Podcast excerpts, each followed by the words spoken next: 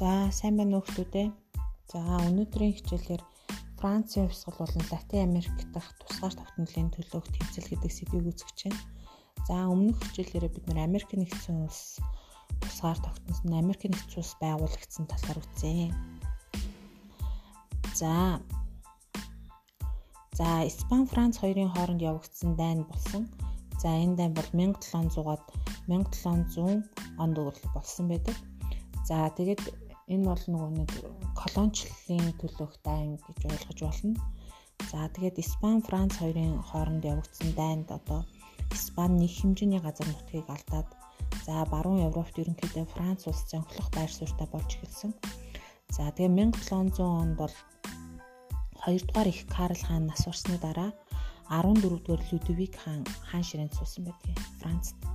За 1713-аас 1714 оны дайнуудад Франц одоо Франц орныг сүрүүлсэн. За тэгээ Франц орн нэр нөлөөгөө алдаж за харин эсвэргээрээ Их Британи улсын нэр хүнд бол улам их өссөн байдаг. За эдгээр нөгөө нэг юуны дайн гэж ярьсан шүү дээ. Колоничлалын төлөөх дайнууд гэдэг тийм. За тэгээд 17-оос 18 дугаар зууны үед Францын нийгэмд улс төрийн байдал тогтворгүй болж эхэлсэн. За тэгээд санхүүгийн хямрал нүрэлсэн. За мөн Францын хүн ам хүн амыг бол үндсэндээ нөгөө гурван давхаргад хувааж авч үзэж болох байсан тэр үе. За тэгээ нэг хэсэг нь бол хөдөө гар үйлдвэрлэл хийдэг. За гоёл чимэглэл нэхмэлийн салбарт ажиллах хүчтэй хөлсний ажилчид бол нэг хэсэг нь болж одоо 3 дахь давхарга буюу хамгийн доод давхарга нь болж ирсэн тийм. За хотод байгаа үйлдвэрлэлүүд болон одоо мануфактур буюу одоо нөгөө гар урдлын шинжтэй болж эхэлсэн. За аажмаар одоо Францын хотууд үйлдвэрлэл худалдаа соёлын төвүүд бол олон болж хувирсан, олон болж нэмэгдсэн гэж үзэж болно. За тэгээд тухайн үеийн Франц орны эмх замраагүй байдал одоо газар авах болсон. За тэгээ хотуудад маш олон ажилчид ажил хайж үйлдвэрийн машин эвдрэх, эрх баригчдын эсрэг одоо бичиг бүргэн барих те.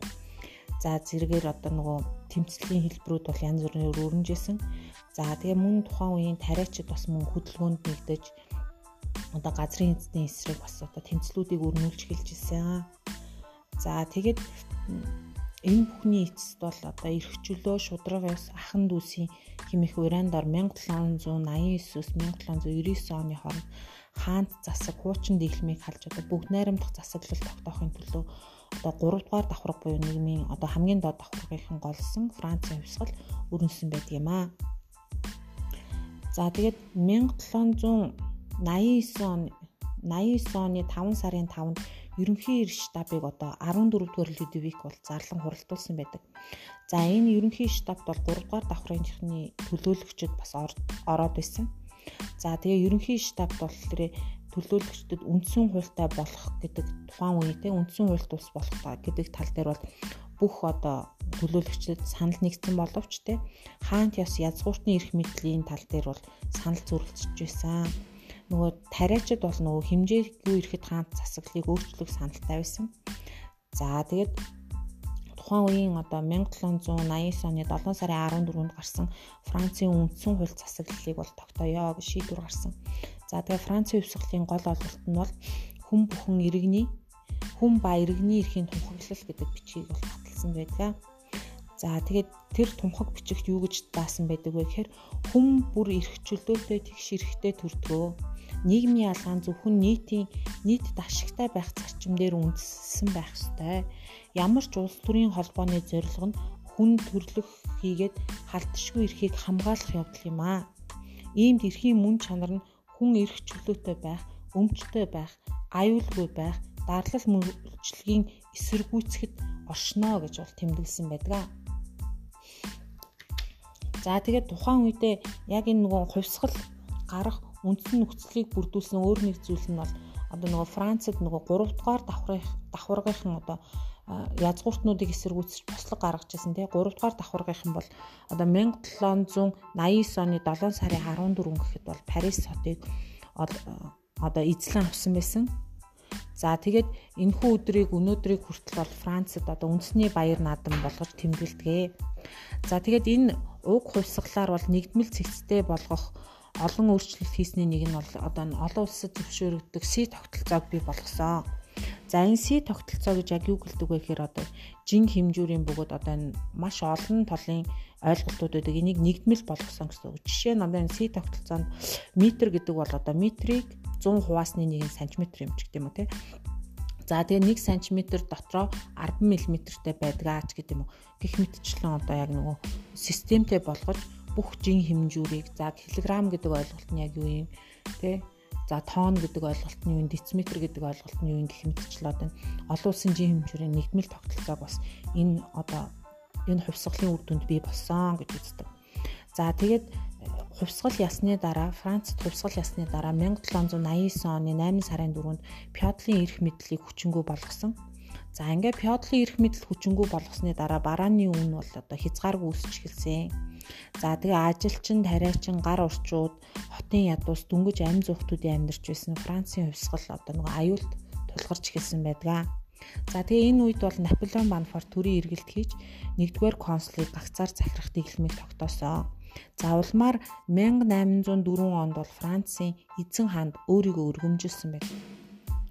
За ингээд Францад тухайн үедээ нөгөө бүгд найрамдах засаглал тогтоосон нь тогтоосон боловч тэр бүгд найрамдах засаглал нь зөвхөн 1793-аас 1806 оны хооронд л одоо бүгд найрамдах засаглал оршин байсан. За тэгэд Наполеон Бонапарт бол дараа нь эзэн хаант улсыг бол байгуулсан байдаг юм аа. За тэгээд тухайн үеийн Францад хувьсгал гарах болсон шалтгаан нь мөн л нөгөө нэг ажүүлдүрцэн нийгэм нийгмийн доторх ялгарл нийгмийн доод нөгөө ядуу буюу нийгмийн доод хэсэг хит олуулаа болсон тий. За тэгээ маш их хүч хөдөлмөр маш их хүч хөдөлмөрийг үн төлбөргүй шахуу нийгмийн баячууд буюу хөрөнгөнүүд хүртчихсэн тий. Тэгээ нийгмийн дээд язгууртан бүлгэнд маш их баялагийг эзэмшдэг мөртлөө маш цөөхөн хүн ам байсан. Яг тэр нийгмийн тогтолцооноос болж одоо Францад хувьсгал өрнөсөн.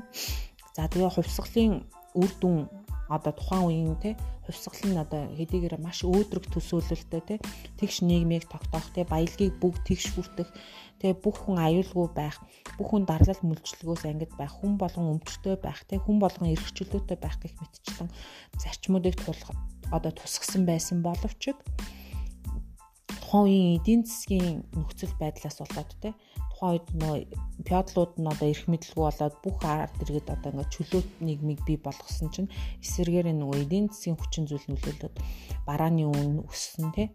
За тэгээ барааны үн бүтээгдэхүүний үн өсөх тусам эдийн засгийн уналтанд ороод за тэгээ эдийн засгийн уналтаас болоод Францын хувьсгал нь 1806 он гэхэд бол дахиад эзэн тус болж өөрчлөгдсөн Наполеон Бонапарт төрийн эрхэнд гарснаар. За За тэгвэл одоо энэ Англи, Францад гарсан хувьсгал нь Латин Америкийн орнуудад бас нөлөөлж одоо Латин Америкийн улсууд бас тусгаар тогтнолын төлөөх тэмцлүүдийг өрнүүлж эхэлсэн байдаг. За тэгээ үүний нэг жишээ нь болохоор Гайти арал дээр бослог гарсан. За Гайти арал нь бол 500 мянган хүн амтай арал юм.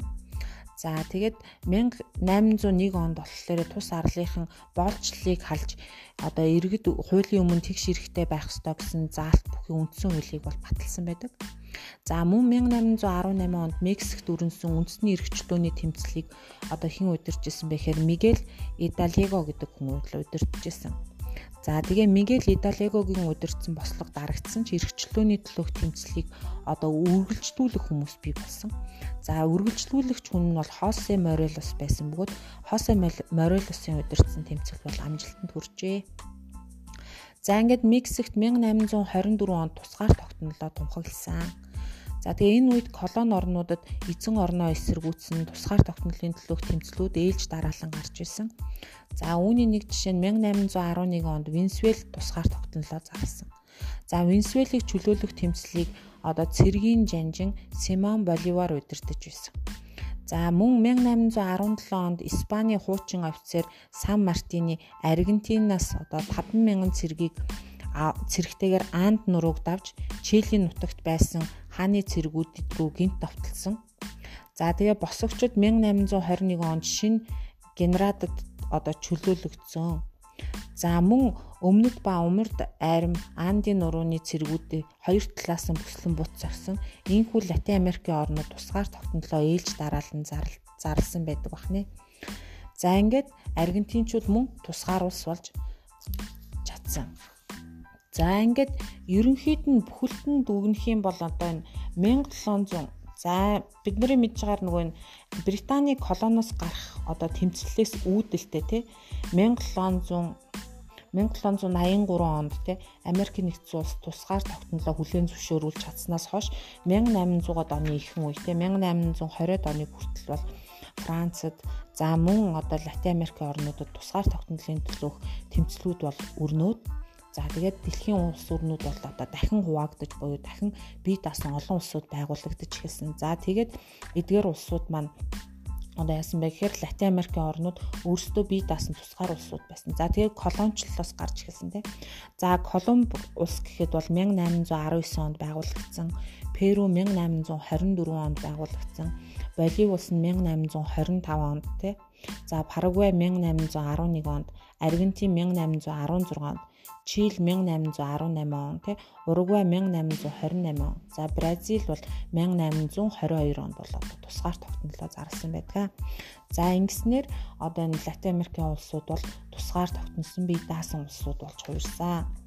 За хэдийгээр одоо Францад гарсан хувьсгал нь одоо эргчлөө тусгаар тогтнолыг авчирсан боловч одоо дараа нь Франц бол эзэн хаант улс болсон те Наполеон Бонапарт гэвэл за гівчиг гівчиг Тэгээ Наполеон Бонапарт одоо Францыг эзэнт гүрэн болгож өөрчилсөн боловч энэ хувьсгал бас одоо нөгөө нэг хүний эрх хэрэгжүүлөө тэгээ өмчлөх эрх, аюулгүй амьдрах эрх, халдшгүй байх эрх тэгээд нөгөө хүн төрөл хүний нөгөө төрөлхийн ба заяагтмал эрхийн төлөө тэмцэл байсан учраас энэ бас нөгөө Франц эрхчлөөний төлөөх тунхаг тунхаг бичиг Францын хувьсгал нь бас дэлхийн түүхэнд бас томоохонд бичигдэх хувьсгалын түүхэн үйл явцад тооцогдсон юм аа.